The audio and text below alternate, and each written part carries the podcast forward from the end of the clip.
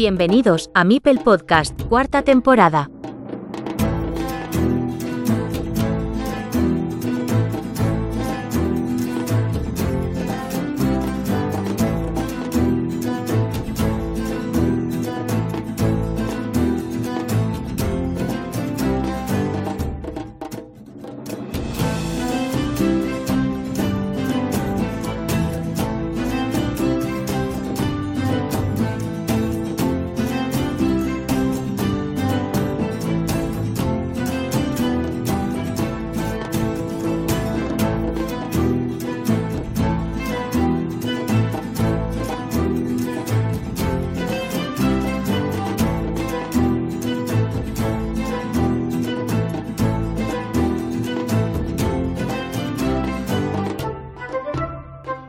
Estimado público de Mipel Podcast, no he desaprovechado la oportunidad de buscar rimas durante los resúmenes de la Liga Carcassonne Spain para este nick tan gracioso, que no deja de ser más que la inicial del nombre de nuestro invitado de esta ocasión, además de su primer apellido, añadiendo al final, supongo, su año de nacimiento. Ha participado desde el principio en la Liga Carcassonne Spain, aunque me ha chivado que dejará élite tras este periplo de cuatro ediciones, Subió tras los dos primeros torneos, las dos primeras ligas, en las que estuvo participando en segunda.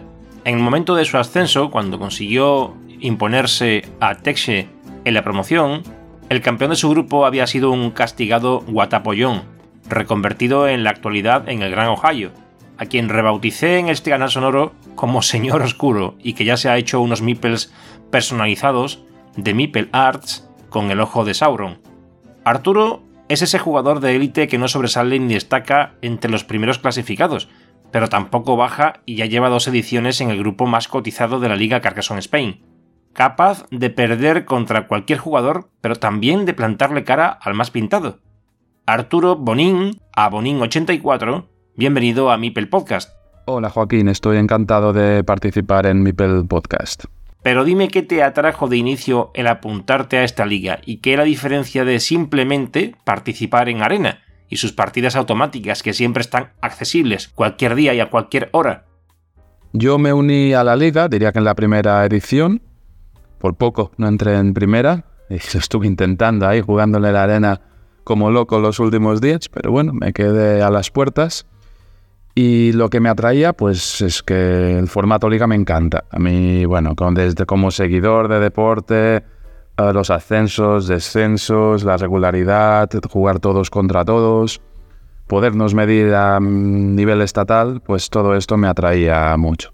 ¿Cómo recuerdas aquella segunda edición, que no está tan lejos, donde confluyeron los grupos azul, rojo y verde? La segunda edición, a ver si lo recuerdo bien, la primera no subí, de segunda a primera y en la segunda edición sí, pues bueno, recuerdo que iba primero buena parte de la liga y luego vino el gran Ohio ahí apretando en todos los niveles, eh, a nivel de presión psicológica, luego me enfrenté contra él y me tiene la medida ganada el tío y me arrebató el primer puesto, eh, nada, tres jornadas del final o así. Y luego jugué la promoción contra Teche, me parece y, subí cuando ya pensaba que, me quedaría otra vez a las puertas. Fue, fue muy divertida esa edición y las, las recuerdo con cariño y con mucha gracia las conversaciones que tuvimos por Telegram con el gran Ohio. Tu paso por el Grupo Verde supuso una grata experiencia para ti, no solo por las partidas, la competición y la interacción con la comunidad, con ese sentido de pertenencia y de compartir una afición, sino también por el ascenso a élite, en donde ya llevas dos temporadas. ¿Qué diferencia más importante ves entre segunda y élite? Pues en élite pasas de ser cabeza de ratón a cola de león, yo lo tengo claro, ¿no? Eh, el objetivo es la permanencia. Contra los pesos pesados, pues me cuesta mucho competir. Pero bueno, igual llega un momento que no sea así. Y la verdad es que este año es muy distinto porque está cambiando, ¿no? Ya no están ahí eh, los dos primeros uh, Davids arriba. Y la verdad es que este año es muy distinto, está todo muy igualado. Sobre el juego Carcassonne sabemos que existe un porcentaje de azar, ese que permite que te toque la loseta adecuada en el momento justo. O simplemente que te toquen los setas que sumen en lugar de aquellas que no sabes dónde poner, aunque luego estratégicamente todas tengan cierta utilidad. Pero también hay un porcentaje psicológico y un porcentaje de concentración. Me explico. Aunque ambos pueden estar muy relacionados, uno de ellos depende de la disciplina que te apliques. Este es la concentración. Puedes no estar enfocado en el juego, o no ser positivo ante un duelo, donde tu rival sabes de antemano que es muy fuerte, pero puedes aplicarte en pensar, en contar los setas e intentar buscar la mejor manera de usar cada turno de juego en la colocación y en el uso de tus recursos. Esa sería la concentración, digamos la parte racional de nuestro ser, frente a esa parte emocional, esa parte intuitiva, que por experiencia te hace mover rápido ante la visión de la loseta en mano y unos puntos directos que puedes hacer sin pensar si es mejor taponar un ataque a un campo que cuesta muchos puntos o cualquier otro movimiento que a priori no parece mejor que el que se vaticina a primera vista. Por otro lado, el factor psicológico, ese que te impide visualizar la victoria, estás cansado, tienes ante ti a alguien que es un hueso duro de roer, alguien con quien las partidas siempre se te hacen cuesta arriba, algún gran jugador o simplemente ese día no tienes ganas de jugar. ¿Qué porcentaje de cada cosa suerte, concentración o factor psicológico tiene Carcassonne para ti? Bueno, sobre estos tres factores, pues la concentración es imprescindible. Sin ella difícilmente vas a ganar. Descontar las losetas, estar concentrado en el juego es imprescindible, pero eh, necesario pero no suficiente, ¿no? Entonces, eh, sí, yo creo que es muy importante mantener la calma, jugar sin prisas, saber que al final, en las últimas rondas de la partida es donde se decide la, victoria, no precipitarse, sobre todo contra un rival eh, a priori superior. A veces, bueno, ya hablo de mi forma de jugar, ¿no? Pues tiendo a precipitarme a jugar de forma más arriesgada, porque creo que con un poquito de factor suerte y arriesgando, pues le puedo arrebatar la partida pero que en realidad es más recomendable jugar calmado, jugar bien, esperar a que llegue el momento, ¿no? Y luego está la, suerte. La suerte es desquiciante, ¿no? Porque, bueno, hay un factor suerte, sí, pero luego podemos una derrota ajustada a achicarla que hemos tenido mala suerte. Muchas veces pasa que tú estás convencido que has tenido muchísima mala suerte y el otro contrincante pues, cree que no, y a la y a la inversa, eh, para mí esta parte es aceptar que hay un factor suerte, pero intentar no darle mucha importancia. Eh, al final se ha demostrado durante las ligas que llevamos, los dos Davids han estado ahí arriba, eh, las dos. Esto quiere decir que el factor suerte es relativamente bajo, ¿no? Porque si eres bueno, estás ahí. ¿Qué prefieres, juego online o presencial? A mí la verdad es que el juego presencial me gusta mucho, pero lo juego poquísimo. ¿Por qué? Porque a mí me gusta el uno contra uno. Eh, en mi entorno no, no hay nadie que, que juegue a nivel como jugamos nosotros en competitivo. Entonces no, no quieren jugar, jugar contra mí.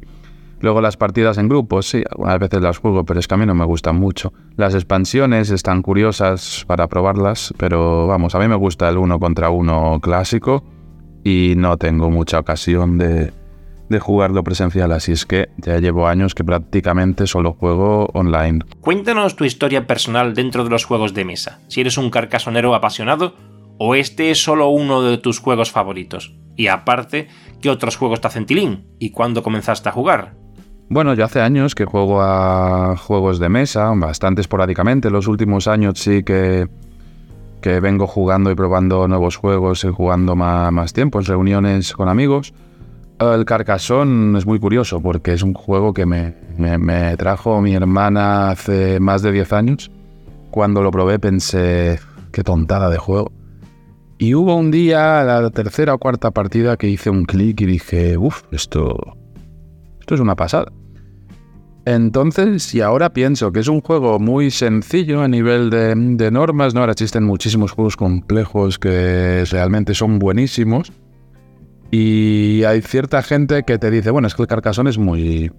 Es un juego de los fáciles, es un juego de los sencillos. digo, sí, bueno, las normas del ajedrez también son, son sencillas, ¿no? Y mira la estrategia que hay detrás. Y yo pienso lo mismo con Carcassonne.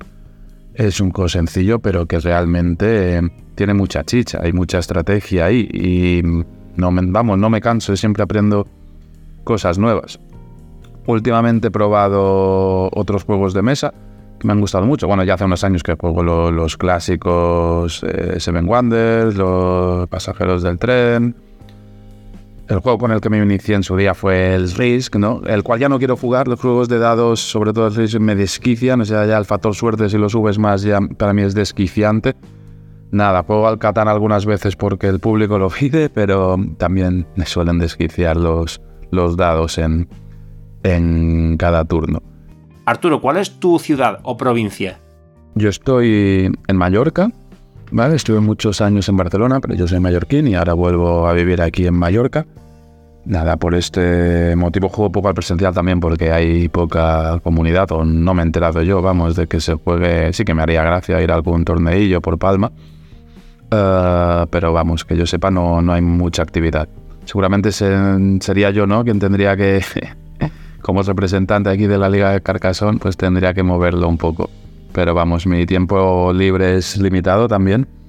Por eso el formato online me va, me va tan bien, ¿no? Para sacar huecos ahí. No ha sido el Nacional de Debir hasta ahora, ¿no? ¿Tienes ganas? El Nacional, pues mira, si estuviese en Madrid o, o se hiciese otro torneo por la zona de, de, Valencia, porque ahí mi familia política es de, de Villarreal y por allí también estoy algunas temporadas, pues sí, pero la verdad es que viajar para jugar no por conciliación familiar impensable y nada, sería mucha casualidad que me enganchase por Madrid en, en esa época, que se juega el Nacional. Tienes espacio para contarnos cualquier cosa que desees antes de despedirnos. Nada, solo bueno comentar que estoy muy agradecido por el trabajo que, que habéis hecho para poner en marcha esta liga y mantenerla para lidiar con los contratiempos que hay durante la competición, por el podcast que habéis creado. Pues nada, muy, muy chulo todo lo que todo lo que estáis haciendo. Espero algún día podernos conocernos presencialmente. Y nada, a, a, seguir con esto, a pasarlo bien con las partidas, que esto es algo que me enseñó, sobre todo insistió mucho un tal Joaquín, cuando jugué contra él el otro día, venimos a pasárnoslo bien. Hay un factor suerte que está ahí, pero no nos, no nos desquiciemos. Y esto también me lo meto a la cabeza porque soy un poco mal perdedor, la verdad. Y nada, que está muy divertida la liga y hay que pasarlo bien. Un abrazo. Pues te agradezco tu visita al canal y espero que sigas disfrutando de este Carcasón y de la comunidad de Carcasón Spain. Igualmente, un abrazo y un saludo. Un abrazo carcasonero y nos vemos en el próximo episodio. Hasta pronto. I'm dancing to